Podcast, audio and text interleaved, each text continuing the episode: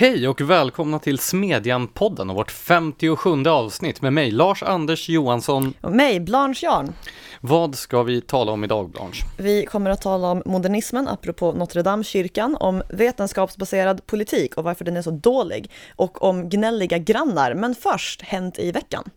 Ja, precis. Ehm, det har varit en demonstration i Stockholm för de frihetsberövade imamerna inom den radikal islamistiska miljön. Vad vet vi om detta, Blanche?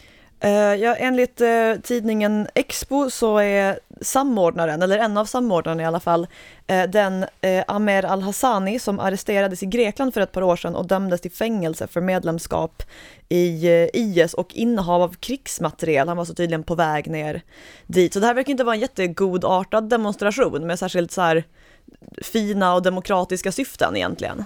Vi pratar alltså om eh, terroristdömda arrangörer, vi talar om då eh, extrem, fundamentalistiska extremister som då egentligen skulle kunna bocka av alla saker på den här eh, då motdemonstrations eh, hatlista med homofobi och rasism och allting sånt där. Men visst var det inte mycket till motdemonstrationer? Nej, jag tror faktiskt inte att det var det. Så att eh, man börjar ju undra om de här motdemonstrationerna kanske har en annan, motdemonstranterna kanske har en annan agenda än det som de i vanliga fall säger sig stå för. Nej, men så kan det väl inte vara? Eh, och sen har Kristdemokraternas Europaparlamentariker Lars Adaktusson varit i blåsväder. Vad handlar det om? Eh, det var Dagens Nyheter som hade kommit fram till att Adaktusson i, jag tror det var 22 fall av 28, hade röstat mot abort. Eh, och det här handlar, om jag förstår det rätt, alltså inte om abortlagstiftning i EU eftersom EU ännu inte är den som bestämmer detta, eh, utan om olika ställningstaganden och uttalanden.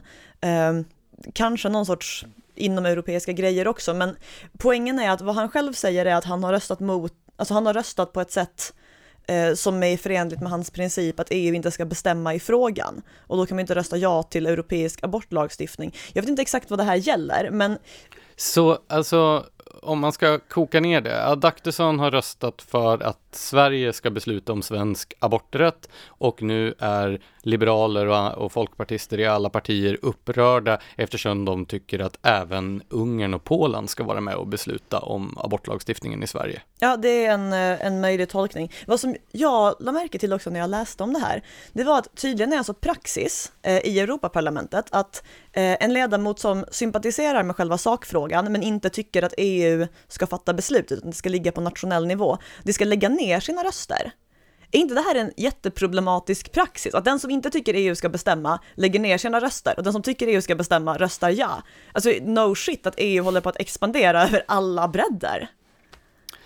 Ja, och sedan har en eh, vänsteraktivist, kanske en av alla dessa motdemonstranter som lyste med sin frånvaro i Stockholm. Det var kanske därför han inte var på plats. Han har i alla fall kille. dömt för synnerligen grovt vapenbrott. Ja, det är ett rätt seriöst straff, eller ett seriöst brott. Jag tror att minimistraffet är fyra års fängelse och han fick fem. Så det här är alltså en eh, snubbe som har haft vapendelar till fem alltså om jag förstår det rätt, som kan sättas ihop till fem stycken kompletta halvautomatiska gevär. Han har haft ammunition och eh, skrivit diverse anteckningar om att en revolutionär statskupp har goda chanser att lyckas.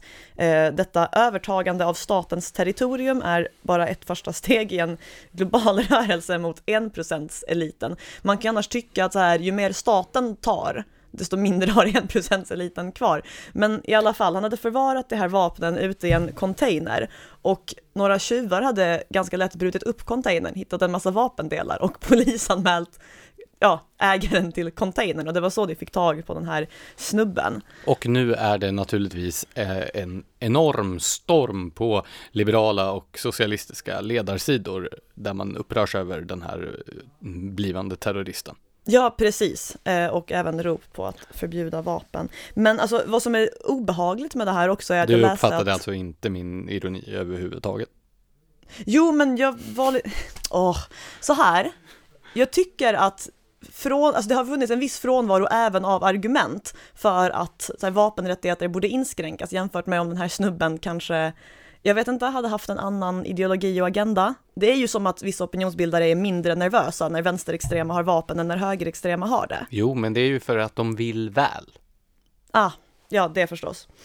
Eh, sen så eh, har jag en framtidsspaning. Du vet hur man ska skämmas över att man flyger och skaffar barn och allt sånt här. Nästa grej kommer att vara dödsskam. Det finns nämligen i USA, i staten Washington, ett nytt tillåtet sätt att eh, ta hand om en kropp efter döden. Man behöver nu inte välja mellan begravning och kremering, utan man kan även kompostera kroppen. Eh, och det här är ju förstås det mest miljövänliga sättet, så jag tänker mig att nästa grej är att skämmas över att man dör på fel sätt. Ja, eller åtminstone att eh, man begravs på fel sätt. Fast det är inte vanlig alltså jordfästning ett slags sätt att kompostera kroppen, eller vad är skillnaden? Nej men inte på den här nivån. Alltså jag läste på lite och vad man gör är att man tar en kropp och så stoppar man den i en eh, sexkantig stållåda tillsammans med eh, trä, strö, hö och alfa-alfa, vilket jag tror är en så här sorts grodd som veganer har i sallader. I alla fall, man, man lägger det där eh, i 30 dagar och kontrollerar luftfuktighet och sånt och sen har tydligen kroppen förmultnat och kan bli blommor eller något. Och vad är den liksom essentiella skillnaden mot en vanlig jordbegravning? Det tar väl rätt här... lång tid för en, någon i en kista i jorden att förmultna i jämförelse. Okay. Det blir inga alfa-alfa-groddar. Okej. Okay. Känner du dig lockad? Ja, jag förstår fortfarande inte riktigt fördelen jämfört med jordfästning, men, men eh, vi går vidare. Populärkulturen har också levererat. oh ja, eh, den populära serien Game of Thrones har nu tagit slut. Eh, vi kommer inte att spoila någonting, men det behövs inte heller, för det centrala här är nämligen inte vad som faktiskt hände och att fel personer överlevde och så vidare, utan att eh, enbart 25% av dialogen fördes av kvinnliga karaktärer. Det här är som du förstår en katastrof för kvinnors rättigheter som knuffar oss minst 30 år tillbaka i tiden, kanske till och med till 30-talet. Eh, det är alltså ett svenskt analysföretag som på fullt allvar har vänta, utvecklat... Vänta, är det det här eh, analysföretaget som vi har diskuterat tidigare? Jag tror inte vi har diskuterat, Ceretai. Nej, så det finns alltså fler företag som slår mynt av att ta fram helt meningslös statistik om kön. Ja, fast den här har inte bara tagit fram statistik om kön, utan en robot som känner av med 8% felmarginal om en röst är manlig eller kvinnlig. En könsrobot. Det känns som att vi är tillbaka på det här reportaget som Hanna-Karin Gränsman skrev. Ja, och jag får även flashback till när vi hade en rolig krönika av Dan Korn om hur DN hade en robot som skulle räkna män och kvinnor som förekom i tidningen. Genusroboten, ja. Men i alla fall, vdn för Ceretai eh, förklarar med osviklig logik så här. Eh, datan visar att oavsett om handlingen innehåller starka kvinnor så får de inte komma till tals. Det kvinnor tycker och säger är inte lika viktigt. Och det, det, finns ju ett par invändningar att komma med här, till exempel om de kvinnliga karaktärerna nu är så, så starka, då kanske det snarare innebär att det det säger är tyngre i jämförelse eftersom det räcker med 20% för att det ska verka starka. Eller så stärker i själva verket Seretais undersökning patriarkatet genom att porträttera det här att prata mycket som ju är en, en klassisk här manligt kodad egenskap som någonting positivare än att vara tyst. Fast vad då är det inte en klassiskt kodad manlig egenskap att vara liksom tyst och sammanbiten? Ja, fast också att ta plats. Allting negativt är manliga. manliga. När, det, när det blir störigt så är det en manlig grej och när det är bra då är det en kvinnlig grej. Jag reflekterar också över det här att eh, man bara resonerar kring starka kvinnor. Men det finns ju rätt många osympatiska kvinnliga karaktärer som är starka. Eller jag menar ta Cersei till exempel. Fast hon, hon är ju i alla fall, hon är definitivt en stark karaktär här. Däremot det här våpet Sansa. Alltså gud vad jag har stört mig på den karaktären. Ja, nu var ju min poäng detta med att det tjatas ju alltid om att ja, kvinnor behöver förebilder med samma könsorgan. Och då är de här starka kvinnorna något man ska lyfta fram. Men om det är starka och onda kvinnor, är verkligen det eh, de förebilder som man tycker att unga tjejer ska ha? Um, är det bättre med en stark ond kvinna än en svag god? Med tanke på att jag faktiskt tycker bättre om Cersei än om Sansa så skulle jag nog säga att ja, jag, jag okay, tycker nog men det. Men om vi försöker se det från de som tycker att det är viktigt att man ska lyfta starka kvinnor i eh, fantasy-serier. Ja, uppenbarligen så eh, är det ju obekvämt överens med mig i frågan om att hellre en stark och ond än en svag och god. Hellre stark och ond än, är man stor och stark kan man, li kan man lika gärna vara ond. Vi borde börja skriva om barnböcker här på Smedjan. Precis. Eh, ja, eh, sen har eh, bensinskatten eller bränsleskatten i allmänhet visat sig få Eh, konsekvenser även för goda människor som åker kollektivt. Ja, precis. Det är tidningen Östra Småland i Kalmar som rapporterar om att de höjda bränslepriserna, som ju är politiskt beslutade, får till konsekvens att kollektivtrafiken dras in. Och det här är ju en nyttig påminnelse för alla de då som har raljerat över den stora del av befolkningen som är beroende av bilen för att ta sig till jobbet och få sin vardag att gå ihop. Eh, och som har sagt att ja, men har ni inte råd att tanka bilen, då kan ni åka kollektivt. Men även kollektivtrafiken dras ju in för de här människorna. Kanske inte då för Per Svensson på DN som liknade bränslepriset på en liter bensin med en, priset för en halv kaffelatte och kanske då nådde peak innerstadselit. ja, alltså ingen annan betalar det priset för en kaffelatte. Eller alla dessa ljushuvuden som har raljerat över eh, de som är upprörda över bensinpriset genom att likna priset på en liter bensin med priset på en GB-glass. Jag undrar om alla dessa då äter 17 GB-glassar för att kunna ta sig till jobbet överhuvudtaget. jag, jag, känner som sagt igen mig i den bilden. Men, Men det är i alla fall intressant det här att det som skadar eh, privattrafiken skadar ju kollektivtrafiken på precis ja, samma sätt. Ja, och det är så... samma människor som drabbas. Jag menar, det är ju de som bor längs glest trafikerade busslinjer som kommer att få ännu glesare trafikerade busslinjer. Ja, fast jag läste faktiskt att även centrumlinjer inne i Oskarshamn och Västervik kan komma att försvinna av, eh, av det det ökade dieselpriset. Så det är inte heller bara folk på landsbygden utan även så bra människor som av miljöskäl bor inne i en stad och du vet allt det här. Men vad då om man bor inne i en stad, då ska man ju cykla, för det är ju också folkhälsokorrekt. Ja, just det, jag glömde det. Sorry. Ja, eh, och sedan så har eh, Regeringens starkast lysande stjärna Morgan Johansson aviserat att han överväger att förbjuda delar av det uråldriga nordiska runalfabetet. Ja, precis, för då kommer man nämligen avskaffa nazismen i Sverige. Det är jättetråkigt att ingen kom på det här tidigare, men att om man bara förbjuder en organisations symbol så försvinner organisationen. Ja, exakt, för det funkade ju så när man förbjöd svastikan. Yes. Vi har nämligen ingen nazism i Sverige sedan man förbjöd deras symbol. Inga svastikor klottrade i ett enda högstadium. Nej, men det här är så otroligt dumt och särskilt då när vi pratar om eh, en, ett sånt kulturarv som runalfabetet. För här gör man inte nog med då att man inte kommer att komma åt det egentliga problemet, alltså totalitära inopportuna politiska rörelser, utan man kommer ju även då att skänka bort delar av kulturarvet till dessa rörelser. Ja, alltså vad man säger är att så här, ja okej, ni har haft den här tyrrunan på er flagga i jag vet inte ens hur länge det är. Det, alltså någon evighet är det inte direkt. Eh, och bra, då är det här er symbol nu. Vi lämnar över den till er och så förbjuder vi den, för vi har inte längre något anspråk på den. Vad är det för skit? Jag tänker också på den här eh, texten som Stigbjörn Ljunggren skrev i Smedjan i januari om de små förolämpningarnas betydelse. Precis. Texten med den starkaste igenkänningsfaktorn kanske någonsin på hela vår sida. Ja, och eh, där så citerade han ju Per Albin Hansson som eh, menade att man aldrig ska genomdriva politiska förslag som medborgarna riskerar att uppfatta som en förolämpning. Och då tänker jag så här, det var Per Albin Hansson och nu har vi en socialdemokratisk regering som vill förbjuda, eller som förbjuder rökning på uteserveringar och delar av runalfabetet. Vad var det egentligen som hände på vägen där? Alltså Socialdemokraterna var så mycket bättre förr i likhet med alla andra politiska rörelser, jag menar som, jag, som, jag, som vi har konstaterat med, eh, här i podden förut, så Per Albin Hansson framstår ju som libertarian i jämförelse med stora delar av den svenska borgerligheten idag. Ja, alltså jag tror att hade Per Albin, per Albin Hansson, det är svårt. jag vet, ställt upp idag, alltså då hade ju han varit ett, en stark konkurrent till Moderaterna åtminstone. Ja, man häpnar. Ska vi fortsätta på förolämpningsspåret genom att gå över till dagens första ämne? Ja, precis. Du har ju skrivit om hur Notre Dame eh, efter branden hotas av det värsta vi vet, modernismen.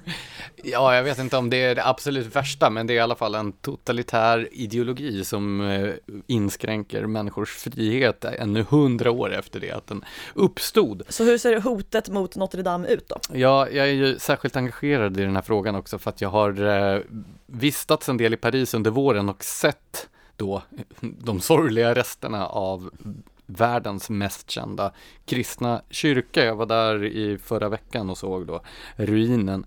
Det positiva det är ju att eh, katedralen klarade sig betydligt bättre ur den här branden än vad vi befarade när man såg tv-bilderna som kablades ut över världen. Det, var, det såg ju ut som att hela katedralen skulle raseras, men det rörde sig framförallt om en takbrand. Hela det här trätaket, som medeltida trätaket, om jag, har, om jag kommer ihåg rätt så utgjordes det av trä från 13 000 ekar planterade för över tusen år sedan. Så att bara taket var ett oskattbart kulturarv som gick förlorat. Men själva stenkatedralen och häpnadsväckande nog också de här målade eh, glasfönstren och orgeln och merparten av konstskatterna räddades. Så att det, det är det positiva i allting. Och positivt var ju också att både politiker och privatpersoner skyndade till redan innan branden hade släckts och och lovade att man skulle bygga upp den här. Man samlade väl in runt 10 miljarder privata alltså motsvarande 10 miljarder svenska kronor eh, i privata medel för återuppbyggnaden. Och Emmanuel Macron har lovat att den ska återuppbyggas inom fem år. Ja, alltså jag tycker det här är ett så fantastiskt exempel på hur civilsamhället så att säga tar upp, liksom, kan man kalla det kampen om ansvaret? För den här sortens saker. Alltså jag tror ju väldigt mycket på ett civilsamhälle som får utrymme att ta ansvar för den sortens grejer som staten egentligen kanske inte hade behövt sköta och att det då finns en så tydlig och stark vilja bland vanliga människor och ovanliga miljonärer och miljardärer, men ändå att kliva in och ta hand om något sånt här, det är ju fantastiskt. Absolut, den aspekten diskuterade vi ju i tidigare avsnitt och det har jag också skrivit om i en tidigare artikel på Smedjan, så den får ni gärna gå in och läsa. Den heter Länge leve miljardärerna. Vilken Timbro-rubrik. Ja, verkligen. Kanske peak Timbro-rubrik. Men i alla fall, eh, Macrons tidsplan då på fem år har fått en del kritik från professionella inom eh, restaureringsfältet som menar att den är för snäv och att det kommer att bli slarvigt utfört. Och det kan säkert ligga en del i den kritiken. Men nu hotas i alla fall katedralen som överlevde branden av ett nytt hot, nämligen den modernistiska ideologin. Det är nämligen så att den franska inrikesministern, tror jag att det var, det kan ha varit kulturministern, men jag tror det var inrikesministern, har utlyst en internationell arkitekttävling för att återuppbygga den spira som stod på taket och som totalförstördes i branden. Den här spiran, den var alltså inte original från medeltiden, så att eh, det är ju i alla fall inte en, tus, en tusenårig kulturskatt som, går förlor, som gick förlorad, utan den tillkom i mitten av 1800-talet när Notre Dame genomgick omfattande restaurationer. Och då var det en, eh, en omdebatterad arkitekt som hette Eugène Violette Leduc som eh, designade den här nygotiska spiran. Och Leducs restaurering, både spiran och andra detaljer på katedralen var väldigt omdebatterade även då under 1800-talet.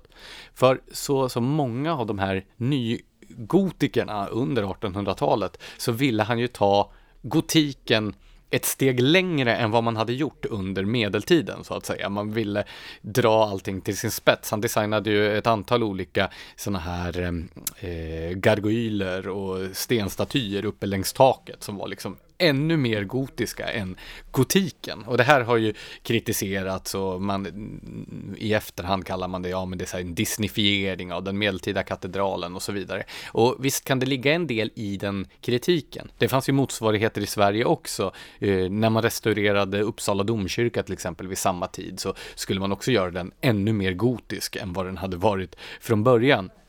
Men det här tar nu modernistiska arkitekter och ideologer till intäkt för att, ja men eftersom Leducs restaureringar var omdebatterade på 1800-talet och inte var historiskt korrekta jämfört med den medeltida förlagan, så kan man därför frångå gotiken helt och hållet och utsätta Notre Dame för vilka modernistiska ombyggnader som helst. Och det här är ju den typiska eh, modernistiska argumentationen, att för att det har funnits en arkitekturdebatt i historien eh, och att människor har varit kritiska till ombyggnader historiskt, då ska det vara fritt fram idag att genomföra vilka ingrepp som helst. Men alltså vad jag funderar på i det här sammanhanget är, man har alltså en förstörd spira som behöver byggas upp på nytt. Är det, är det givet att man ska göra en tävling för arkitekter då, med tanke på hur många märkliga och kassa arkitekter det finns där ute? Och är det i så fall rimligt att man ska sätta upp premissen, gör vad ni vill? Kan det inte vara så här, den som kan återställa den här spiran, spiran bäst, inte den som gör den häftigaste design eller någonting, får alltså får göra det. Jo, absolut, men det här är ju problemet med de flesta sådana här stora arkitekttävlingar, att man i praktiken ger carte blanche till då de modernistiska ideologerna på arkitektbyråerna.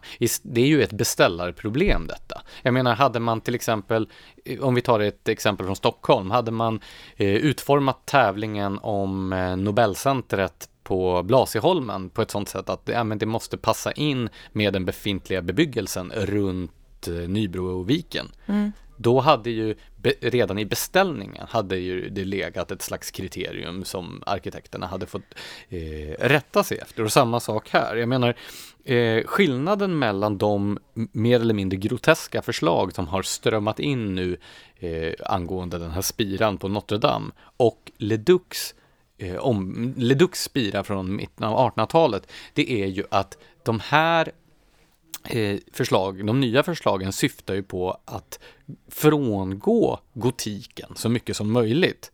Medan Leduc, han eh, designade ju en spira inom det gotiska paradigmet. Han försökte fullfölja den gotiska estetiska ideologin och tankevärlden och sen handlar debatterna om huruvida han lyckades eller misslyckades med det. Medan då de, alla de förslag jag har sett för, från nutida arkitektbyråer är ju istället ett angrepp på den gotiska ideologin och estetiken. Alltså ett bra sätt att eh, komma undan de värsta problemen här skulle förstås vara att sätta ihop en jury av eh, av konsthistoriker och experter på gotisk arkitektur och låta dem bedöma vad som funkar bäst i den arkitekturtraditionen.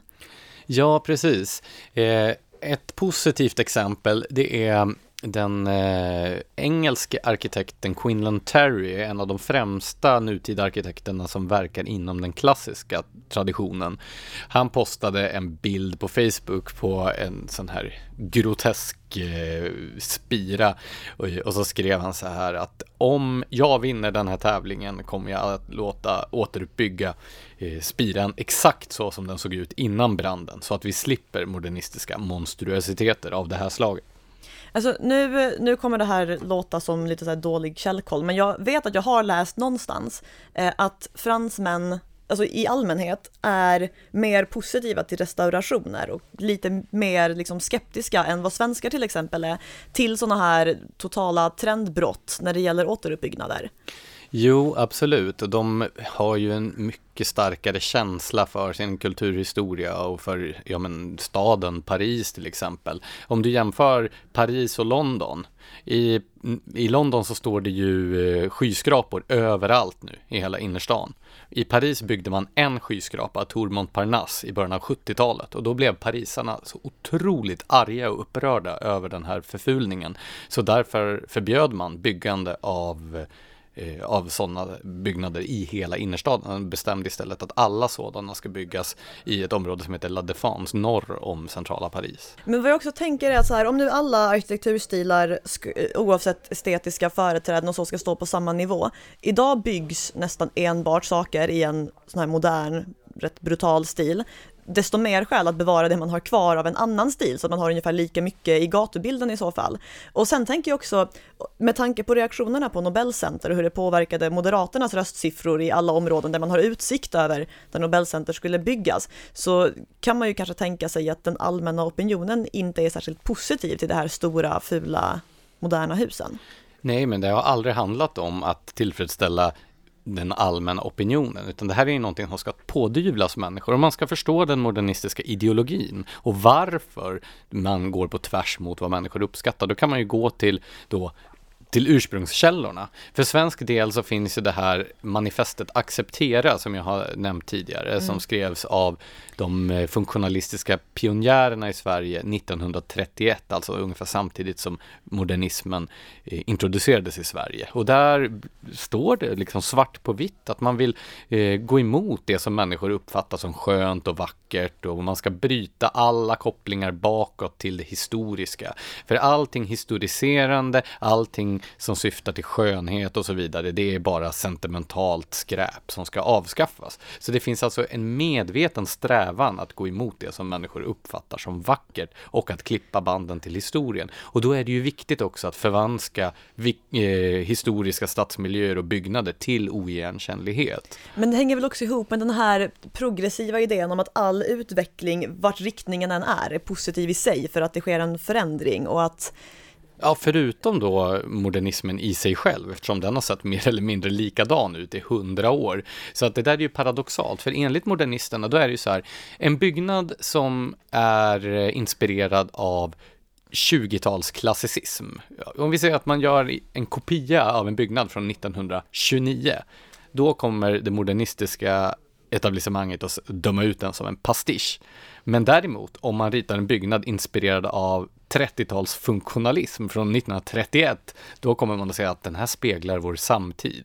Fast samtidigt måste jag ändå säga, jag tycker man ser rätt stor skillnad mellan 30-talets funkishus, för det ser ändå rätt trevliga ut jämfört med mycket av vad som byggs idag. Det, man har ju ändå försökt anstränga sig för att göra dem rätt beboeliga. Jo, absolut, och det är därför som jag belyser att det här är ju inte en fråga om stil, utan en fråga om ideologi. Det finns naturligtvis bra och vacker modernism också, om vi tittar på den som stil till.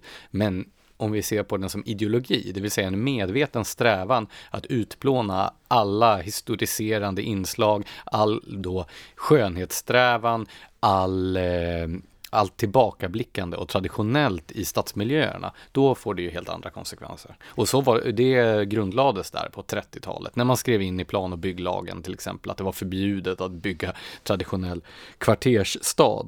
Ännu tydligare blir den här ideologin när man tittar då på vad den här rörelsen, så att säga, chefsideolog Le Corbusier då hade för planer för städer som Paris och Stockholm. Han ritade ju stadsplaner som dess bättre aldrig förverkligades, där man då för Stockholms del skulle man riva hela Stockholms innerstad och och eh, ersätta all bebyggelse i Stockholm med fem gigantiska huskroppar där hela huvudstadens befolkning skulle rymmas. Som Hötorgsskraporna på crack? Ja, eller som ett, har du varit i Henriksdal i, vid Danvikstull? Nej. Okej, okay. där är det två gigantiska huskroppar på ett helt berg med många, många hundra lägenheter. Det var väl en jätteversion av Henriksdalsberget som hela Stockholm skulle bli kan man säga. Usch. Så det, den här, det är en destruktiv ideologi som medvetet syftar till att förstöra eh, traditionella stadsmiljöer. Och därför vore det fruktansvärt då om världens mest kända kyrka och eh, Eh, och dessutom ett av Frankrikes och Europas mest kända historiska minnesmärken skulle då falla offer för den här totalitära ideologin. Men hur stora bedömer du egentligen att riskerna är för det? För jag tänker så här, dels har vi Emmanuel Macron som det ju finns en del negativt att säga om, men han är ju väldigt mån om om bilden av sig själv som en så bildad och kulturellt intresserad person. Och samtidigt så har vi ju ett extremt starkt både nationellt och internationellt engagemang för Notre Dame från personer som förmodligen inte skulle uppskatta en så här betongklump istället för en spira ovanpå kyrkan. Så är inte risken att det här i praktiken sker ändå ganska små? Det är otroligt svårt att bedöma skulle jag säga. Alltså fransmännens vägar är outgrundliga. Och med de orden ska vi gå vidare till nästa ämne. Ja, precis. Du har kritiserat det som du kallar för vetenskapsbaserad politik. Och det kan ju vid första påseende verka lite uppseendeväckande med tanke på att det är väl väldigt bra om politiker har ett vetenskapligt underlag att utgå från när de ska fatta sina beslut. Eller menar du att politiska beslut ska fattas utan sakkunskap? Nej, det vore ju jättebra om politiska beslut fattades baserat på sakkunskap. Problemet är ju att det inte verkar vara det som menas när man talar om vetenskapsbaserad eller så här faktabaserad eller evidensbaserad politik. Eh, för jo, självklart bör, ju, bör man alltid fråga sig när man funderar över en politisk reform om den har någon sorts anknytning till verkligheten och skulle kunna få den önskade effekten eh, även i praktiken. Men bara för att politik skulle kunna uppnå eh, ett önskat mål, så innebär det inte att polit, alltså den här politiken i sig är önskvärd. Alltså vi skulle till exempel kunna få eh, väldigt mycket högre lösningsfrekvens på brott ifall vi installerade kameror i varenda del av varje privat hem och offentlig plats. Det innebär inte att det är önskvärd politik för att det även behöver finnas en sorts etiskt, eh, värderingsmässigt, principiellt övervägande kring om en insats faktiskt är rätt eller fel. Ja, alltså det som de här människorna, du kan väl strax förklara vilka det är du åsyftar, men de som säger sig att de vill ha en vetenskapsbaserad politik, de försöker ju ge sken av att deras subjektiva åsikter och uppfattningar i själva verket skulle utgöra fakta och att den som tycker annorlunda då skulle ha faktamässigt fel. Att det är ett sätt att försöka avfärda alla avvikande uppfattningar. Men vetenskapen kan ju aldrig säga vad som är moraliskt rätt eller fel. Den kan bara hjälpa en på traven hur man ska uppnå vissa mål rent praktiskt. Ja, alltså det som talar om vetenskapsbaserad politik brukar ju försöka få det att se ut som att det mål de själva vill uppnå är liksom det givna för att vetenskapen lyfter ett visst problem. Alltså, jag ska ta ett exempel. Eh, ja, vilka är det du syftar på egentligen här? Eh, först, jag har funderat över det här ett tag, men jag tyckte det blev så tydligt i eh, Brexit-debatten i England. Alltså redan före omröstningen så kunde man märka väldigt tydligt att eh, förespråkarna och motståndarna mot eh, Brexit argumenterade på helt olika plan. Alltså det som försvarade EU-medlemskapet eh, brukade oftast lyfta, och gör fortfarande, eh, argument på temat att vi vinner ekonomiskt på att vara med och att det är bra för vår ekonomi. Det var liksom så här, ekonomiska konsekvenser som man fokuserade på främst, medan eh, det som ville ha Brexit istället har argumenterat ganska konsekvent utifrån eh, värderingar, alltså självbestämmande, suveränitet, begränsad tilltro till Bryssel och oro för vad som skulle kunna hända om, om makten där ökar. Så det har liksom stått så att säga vetenskapsbaserade argument mot principer och värderingar. Och nu märker man att det som inför eh, Europaparlamentsvalet nu vill eh, vill på något vis driva att Storbritannien ska stanna i eh, EU eh, talar om det som att de själva är vetenskapliga och motståndarna är helt faktaresistenta. Eh, det bästa exemplet på det här är partiet som heter Change UK. Eh, det är det här som började som The Independent Group när några mittenpolitiker från de båda stora partierna hoppade av. Eh, och det går nu till val på plattformen att eh, Storbritannien ska stanna i EU. Ehm, det hävdar också så att vi kommer att få saker gjorda baserat på evidens och inte ideologi, medan Tories och Labour har flyttat till de ideologiska ytterkanterna. Det är ungefär lika överensstämmande med verkligheten som att Moderaterna och Socialdemokraterna skulle ha flyttat till de ideologiska ytterkanterna. Men hur som helst, idén att Storbritannien borde stanna i EU, det är ett ideologiskt ställningstagande. Dels eh, för att man då anser man gör en värdering att det, eh, det vinster man tror sig kunna uppnå med att vara kvar är viktigare än eh, självbestämmandet, en värderingsfråga. Dels så har man bestämt sig för att dessa vinster är viktigare än själva den brittiska demokratin eftersom det ju faktiskt driver på för att ignorera en demokratisk folkomröstning. Eh, den välvilliga tolkningen här är att Change UK helt enkelt inte förstår att deras egna ställningstaganden är Eh, Eh, just ställningstaganden utan faktiskt inbillar sig att det är fakta. Det här är ju samma inställning som man möter hos nationalekonomer som argumenterar för återinförande av fastighetsskatten eftersom de då har räknat ut att det kommer att skapa en större rörlighet på arbetsmarknaden. Och eftersom människor inte är mål i sig själva från det här teknokratiska perspektivet, utan bara medel för att uppnå resultat, då är det ju bra om människor drivs ut ur sina hem för att andra ska drivas in där.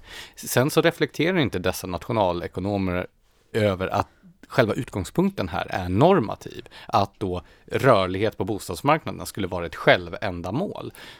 Ja, och att man bortser från diverse bieffekter som till exempel att den redan haltande äganderätten i Sverige skulle skadas ännu mer av ytterligare en skatt.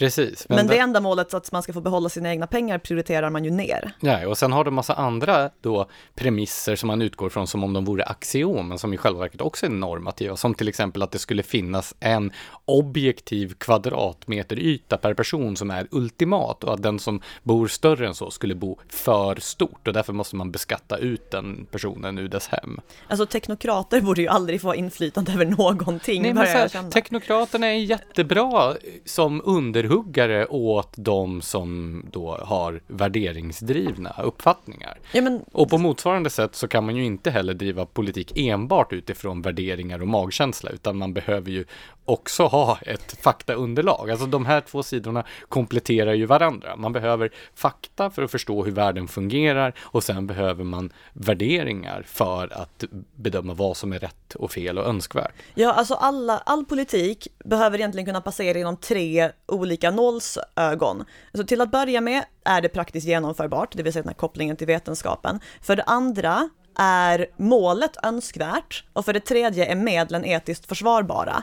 Eh, och någon som brukar bortse från åtminstone det sista med besked är ju eh, klimat och miljörörelsen. Eh, Jag, jag- sk- jag skulle nog rangordna de där nålsögonen då som Det var du inte beskrev åt andra hållet. Jag skulle säga att det första, det är ju att man måste fråga sig vad man överhuvudtaget vill med politiken och samhället. Sen bör man orientera sig och se, ja men hur ser det ut? Vad kan man göra och inte? Och sen då, som du nämner, måste man ifrågasätta om medlen är förenliga då med då ens principer, värderingar och ideal. Ja, alltså som jag ser det är ju det allra viktigaste att staten inte använder maktmedel som den inte har rätt att använda och inte bör använda. Men i vilken ordning man ställer frågorna är kanske inte det allra viktigaste, utan det viktigaste är ju att Jo, alla det- tre Men det är ju din normativa uppfattning som då ska vara i det första steget i den där matrisen. Ja. Ja. Eh, men som sagt, Miljöpartiet är ju... Alltså det var så svårt att hitta exempel på det här som inte kommer från just Miljöpartiet, för det bjuder på så himla många bra. Eh, men deras andra namn, Per Holmgren, han har ju Det är han tv-meteorologen, eller hur? Ja, precis, som vill ha en klimatdiktatur och så. Eh, och som sen av någon anledning har hållit sig väldigt långt borta ur debatten. Eh, men han dök upp i helgen på sajten Europaportalen där han hade intervjuats. Och då sa han till exempel så här. Om man ser på klimatfrågan behöver vi koppla klimatpolitiken till exakt det som vetenskapen säger. Och så långt är ju allt fullt rimligt, det bör vi definitivt. Men sen fortsatte han. Därför föreslog Miljöpartiet nyligen en utsläppsbudget som sätter tak för hur mycket varje land får släppa ut. Och där kan man ju fråga sig, är det här ett rimligt medel? Man kan ju både invända mot att utsläppstak är någonting staten borde få sätta upp. Eh, man kan ha ideologiska invändningar mot att EU får ännu mer makt än den redan har. Men han tar liksom för givet att eftersom det här är mitt det här är vetenskap och jag anser att det här målet är vetenskapligt och därför så är det givetvis vetenskap att jag ska genomföra just detta. Ett annat exempel är hans partikamrat Katarina Lur som är Stockholms klimat och eh, miljöborgarråd. Eh, hon, hon eh, framhävde extra tydligt den här andra sidan av myntet. För när man talar om vetenskapsbaserad politik som det man själv vill bedriva, då är det ju ofta underförstått att det som motståndaren föreslår och det argument motståndaren kommer med är ovetenskapliga och därmed oseriösa. Eh, och hon sa faktiskt rakt ut att så här, vi behöver staka ut riktningen mot vetenskapsbaserad politik eh, i motsats till klimatskepticism, faktafientlighet och populism. Det vill säga, är du emot den politik som Miljöpartiet i Stockholm bedriver idag, då är du en faktafientlig populist. Ja, och det här är ju helt enkelt bara försök att avfärda motståndarnas eh, uppfattningar. Att det där har jag märkt också, jag menar, den här inställningen har ju sipprat ner till debattens ännu mindre skarpa knivar i lådan, där man hela tiden på Twitter möter då personer som hävdar att man har fel i sak och sen när man ber om eh, argumenten, alltså sakargumenten mot ens egen ståndpunkt så visar det sig att nej, men det är ens åsikt de tycker det är fel, inte då en sakargument. Men den här sammanblandningen av fakta och åsikt, den har ju sipprat ner. Ja, alltså i debatten om bensinupproret så tycker jag mig se det här hela tiden blandat med en schysst dos generellt folkförakt. Att den som inte vill att bensinpriset ska vara skyhögt och inte förstår att den borde betala mycket mer av sin inkomst till staten för fräckheten att leva på landet, den är då faktaresistent och begriper inte hur världen funkar eller är dum i huvudet eller diverse andra mindre artiga formuleringar som har cirkulerat i de här kommentarsfälten ett vanligt sätt är ju också att låtsas att det inte finns några målkonflikter i komplicerade politiska frågor. Abortdebatten är väl det liksom tydligaste exemplet där, där eh, väldigt många och väldigt högröst, högröstat och aggressivt då försöker låtsas som att det inte överhuvudtaget föreligger något etiskt dilemma. Ja precis, och det här gör ju båda sidorna sig skyldiga till. Det finns det som hävdar att säga nej, nej, ett foster är ett liv och då, då är liksom argumenten för abort inte överhuvudtaget relevanta och det som hävdar att eh, nej men det är klart att kvinnans rätt till sin egen kropp finns där och då är argumenten för abort, eller mot abort, överhuvudtaget inte relevanta. Alltså i själva verket så borde alla kunna begripa att det här är en svår avvägning mellan två väldigt viktiga värden. Eh, det tycks ju som att den här inställningen att låtsas att ens eh, subjektiva uppfattningar är objektiva fakta är vanligare på den politiska vänsterkanten.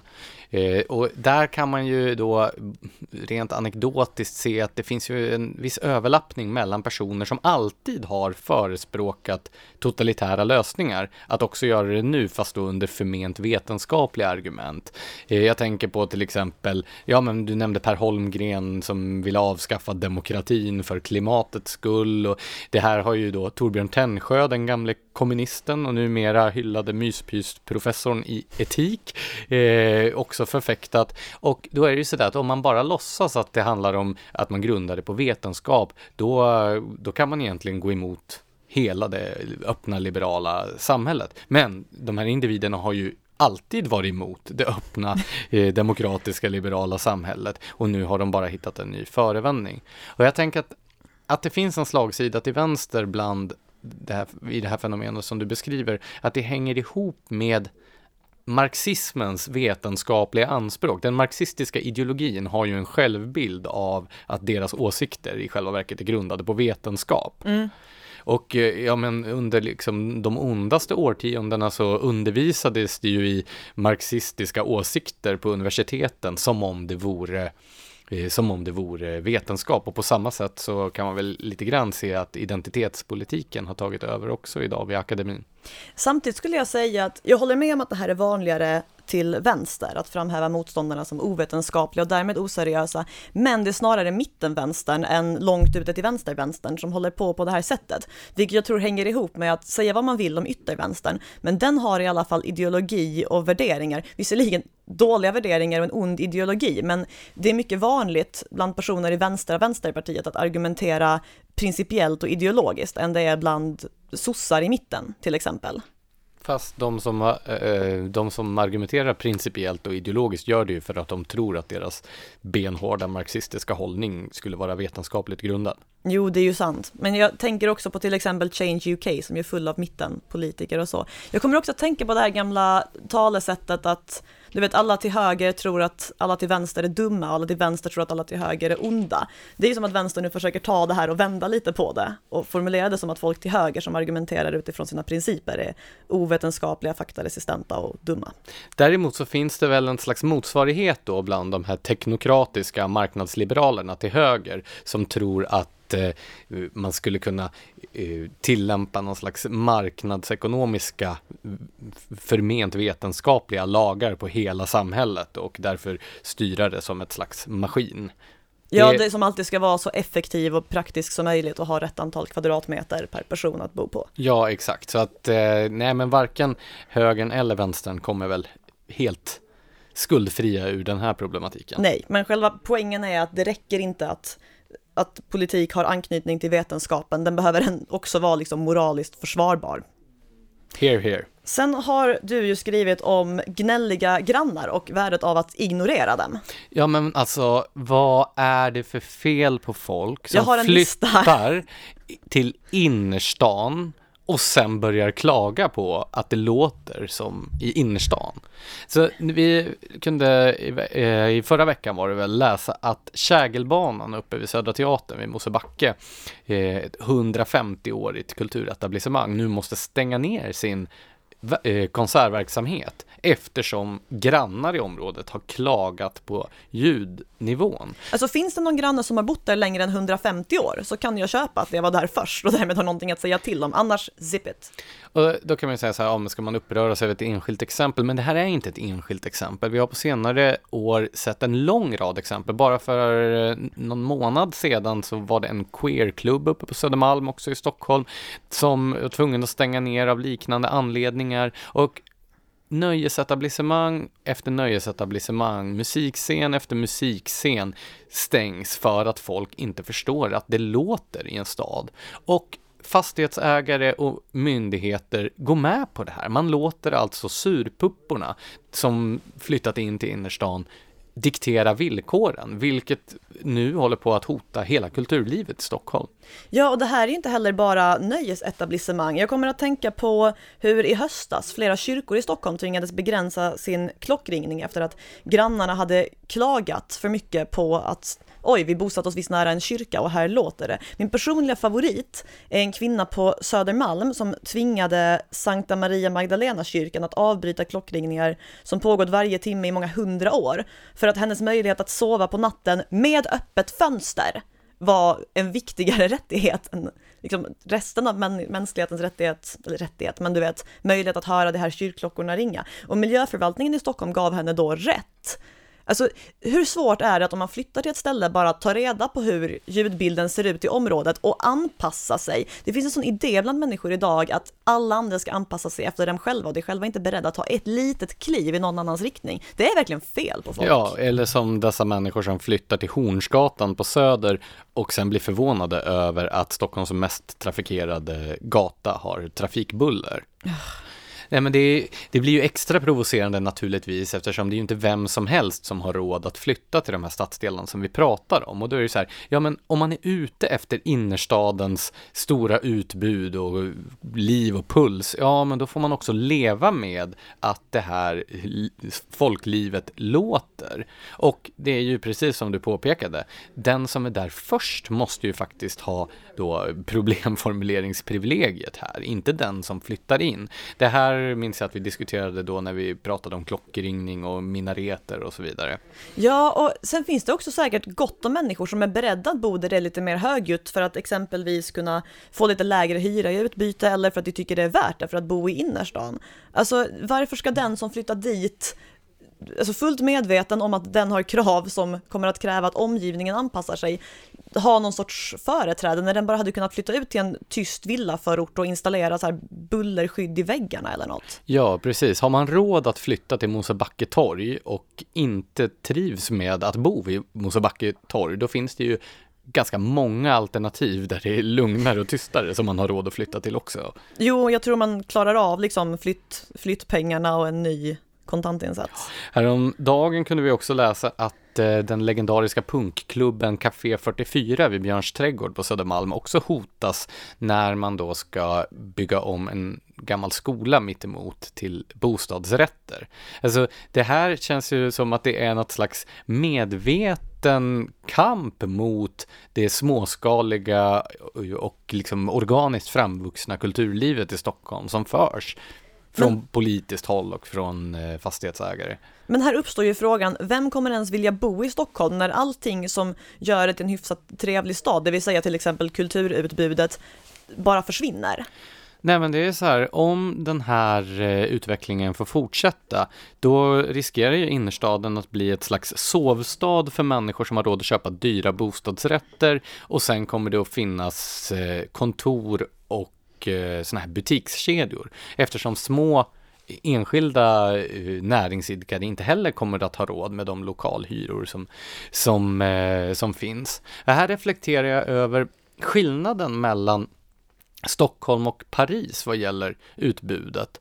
Eh, jag ska försöka grotta i det här längre fram, vad man faktiskt har gjort där för att bevara mångfalden i kulturutbud och små butiker och restauranger. För tittar man på bostadsmarknaden och kontorsuthyrningsmarknaden i Paris så är ju den ännu värre egentligen än den i Stockholms innerstad. Men likväl har man lyckats bevara detta med utbudet av restauranger och, butiker och kulturinstitutioner. Ja, här får jag även en chans att slå ett slag för London som ju också har massor av mindre verksamheter. Och en helt sinnessjuk bostadsmarknad. Ja, den är ju verkligen otrolig och den ser säkert likadan ut för företag.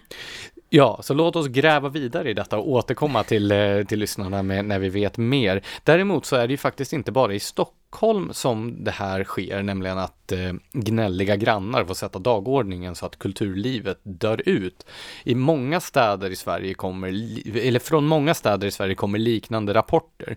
Jag är ju uppvuxen i Gävle och där har sorgligt nog nyligen eh, stadens mest legendariska musikscen, CC-puben, som är förkortning för Centralcaféet, eh, fått stänga ner på grund av gnälliga grannar som har klagat till fastighetsägaren. Och eh, det här, det berör mig personligen extra mycket också eftersom när jag bodde i Gävle så var det mitt stamhak, men i musiklivet i Gävle så var det en, en riktig nod där både det lokala musiklivet uppträdde och eh, internationella stora artister kom till det här lilla, lilla ölcaféet och spelade. Ja men även jag som aldrig varit i Gävle blev lite så här argledsen av att läsa din text. För att det här stället låter ju, dels låter det fantastiskt men dels finns det också ett egenvärde i att någonting som länge funnits på en plats finns kvar på platsen. Ja, absolut. Och det är verkligen, alltså det, det var ett sånt här charmigt ölcafé med en liten, liten scen där artisterna knappt fick plats och det var väldigt trångt och gemytligt. De hade livemusik eh, flera kvällar i veckan och det kom mycket folk och lyssnade på detta. När eh, puben brann här om året och många trodde att den var förlorad för evigt, då ordnade Gävles musikliv en stor stödgala där i princip alla spelade gratis och pengarna gick till till eh, restaureringen av den här puben. Och så trodde man att den var räddad, men nej då. Enter gnällig granne och eh, fastighetsägaren hotade med vräkning och då, då tröttnade tröttnade ägarna till, till puben och stängde ner. Och då som ett kvitto på den här kulturfientliga gentrifieringsprocessen eh, så har nu i lokalerna det öppnat en gastropub med namnet Trivs. Åh oh, gud. Och det är säkert ett sånt här ställe, det här är någonting jag verkligen hatar med den här staden, men det här att varannan restaurang vägrar servera rimliga maträtter utan kör på så här små rätter för att få en att betala fem gånger så mycket för samma mängd mat och så får man inte ens vuxenportioner. Det är säkert ett sånt ställe som ligger där också, bara för att. Ja, men, men alltså, det, det, det, känns ju som att det här är, det är både ett politiskt problem men också ett attitydproblem från myndigheter och från fastighetsägare, där man låter precis fel kategori människor sätta dagordningen. Ja, alltså det finns ju en uppenbar parallell mellan det här och rökförbudet, där det alltså är så extremt intoleranta människor som känner att jag ska kunna sitta på just den här uteserveringen och få hela min omgivning att uppfylla alla mina krav på dem medan jag själv sitter här och gnäller. Och så får de rätt av myndigheterna för att det alltid anses att den som klagar mest högljutt på andra verkar vara den som har mest rätt. Ja. Precis så är det. Tur att vi kan sitta här och gnälla i alla fall i vår egen podcast. Och kedjeröka. Exakt. Ja. Så, eh, ska vi börja avrunda med eh, någon läsarfråga? Låt oss göra det. Vi har fått en kommentar på Facebook från en Max Hjelm som har synpunkter på din text om Notre Dame. Ja, precis. Max Hjelm skriver så här. Varför tycker en tankesmedja för att öka individers frihet och marknadsekonomin att det är viktigt att slåss för en viss arkitekturstil? Ska vi bara hänvisa till allt vi sa nyss i podden eller? Nej, men så här. Eh, det dyker alltid upp en massa åsikter om att man inte ska beröra vissa frågor. Istället för att bemöta ens argument så kommer det så här, nej men varför, varför skriver en en eh, marknadsliberal tankesmedja om den här frågan. Jag minns när vi publicerade till exempel Anush Gasris eh, texter om mottagande av ensamkommande. Fantastiskt mm. välskrivna och initierade reportage. Och när vi eh, publicerade en reportageserie som Per Brinkemo hade skrivit om klankulturer och kulturkonflikter. Då ryckte han den här eh, sossekrönikören från Aftonbladet, Andrev Walden, ut och skärmdumpade förolämpade medians första sida där man såg då rubrikerna till de här artiklarna och då menade att det var mycket märkligt att då en marknadsliberal publikation ägnade så mycket uppmärksamhet åt frågor som rörde integration och migration. Alltså jag är ju alltid den första att säga att ekonomiska frågor är frihetsfrågor, för det handlar om individens makt att göra vad den vill med sina egna pengar och så. Men pengar är ju inte den enda frihetsfrågan som finns här. Det handlar ju om andra möjligheter att få välja här i livet. Ja, absolut. Och det är ju klart att man från ett marknadsliberalt perspektiv måste kunna argumentera i många olika typer av sakfrågor. Precis som då, för jag menar socialister tycker ju alltid att de ska ha uppfattningar på alla områden och då är det väl bra om det finns motuppfattningar. Men i grund och botten den här typen av då frågor, varför ska en eh, marknadsliberal tankesmedja ägna sig åt det här och det här? Det handlar ju om att de helt enkelt inte vill att deras deras hegemoni på ett visst frågeområde ska ifrågasättas. Eh, oavsett då om det handlar om eh, integration och migration som det var där när, med Gassris och Brinkemos texter. Eh, där ville väl den här Aftonbladet-skribenten att eh, att det narrativet skulle stå oemotsagd. Och det här då med, med modernismen och Notre Dame, för det första så är det ju fel i sak. Jag har inte argumenterat för en specifik arkitekturstil. Jag har argumenterat för att en historisk märkesbyggnad inte ska utsättas för ett ideologiskt angrepp från en totalitär ideologi, vilket man kan ju tycka är i högsta grad angeläget från ett liberalt och frihetligt perspektiv. Men modernisterna, de använder alltid den här typen av relativiserande argument för att då eh, bevara den här, det här åsiktsprivilegiet. Ja, alltså här trodde jag ju annars att du hade gått ut för att varje byggnad i hela Sverige ska byggas om i nygotisk stil. Ja, exakt. Nej, men det är ju jättekonstigt. Man vill inte förstöra Notre Dame och då eh, blir man anklagad för att kämpa för en, att, eh, hur är den formulering, att slåss för en viss arkitekturstil. Ja, jag tycker faktiskt att eh, just Notre Dame ska ha en viss arkitekturstil, nämligen gotiken. Eftersom Din det är en arkitekturfascist. Eller hur? Om inte allting är utsatt för modernism så är man inte för frihet. Exakt. Och med de orden går vi vidare till andra viktiga meddelanden till allmänheten. Det här känns som, nej, du, du är kanske för ung för det, men i DDR-Sverige som jag växte upp i, då fanns det ett tv-program som hette Anslagstavlan. Känner du till detta? Alltså jag har hört dig raljera om det någon gång precis som du hört mig raljera över allt ja. annat. Ja. Nej, men anslagstavlan, och nu får vi varna känsliga lyssnare för det här är starka intryck som levereras. Det var alltså ett eh, program i public service, som ju var de enda tv-kanaler som fanns på den här tiden, eh, med myndighetsinformation. Det var ju liksom, det var ungefär som reklamfilmer, fast istället för kommersiella budskap så var det myndigheterna som informerade medborgarna om olika saker.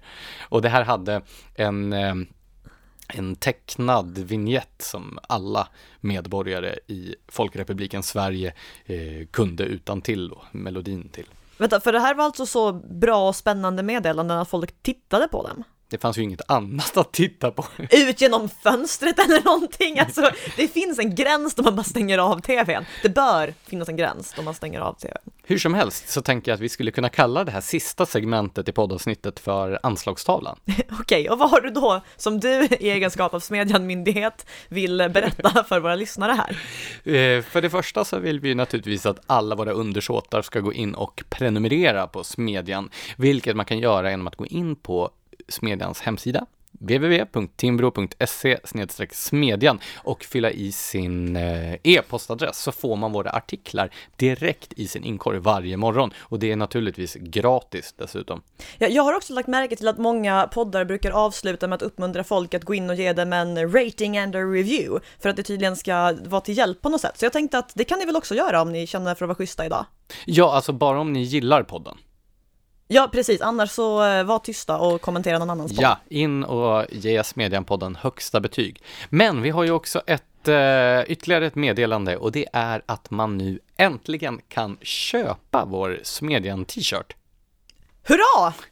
Eh, det är alltså en svart t-shirt med en eh, design av eh, satirtecknaren Martin Jakobsson som driver sajten I Fablernas land och texten är ingen offerkofta. Och om man går in på Smedjans Facebook-sida så kan man se ett tjusigt foto där Blanche gör en stark insats som eh, t-shirt-modell. Min för, mitt första och sista modelljobb någonsin. Eh, nu när de här tröjorna finns i handeln till det facila priset av 150 kronor eh, så kommer vi att utgå ifrån att alla vi eh, ser på Facebook och möter på gatan som inte bär en sån här istället går runt med en gigantisk fluffig offerkofta. Exakt, så är ni intresserade av att köpa den här tröjan, skicka ett mail till eh, lars.anders.johansson.timbro.se så får ni information om hur man betalar och så vidare. 150 kronor kostar den. Tack så mycket för att ni har lyssnat.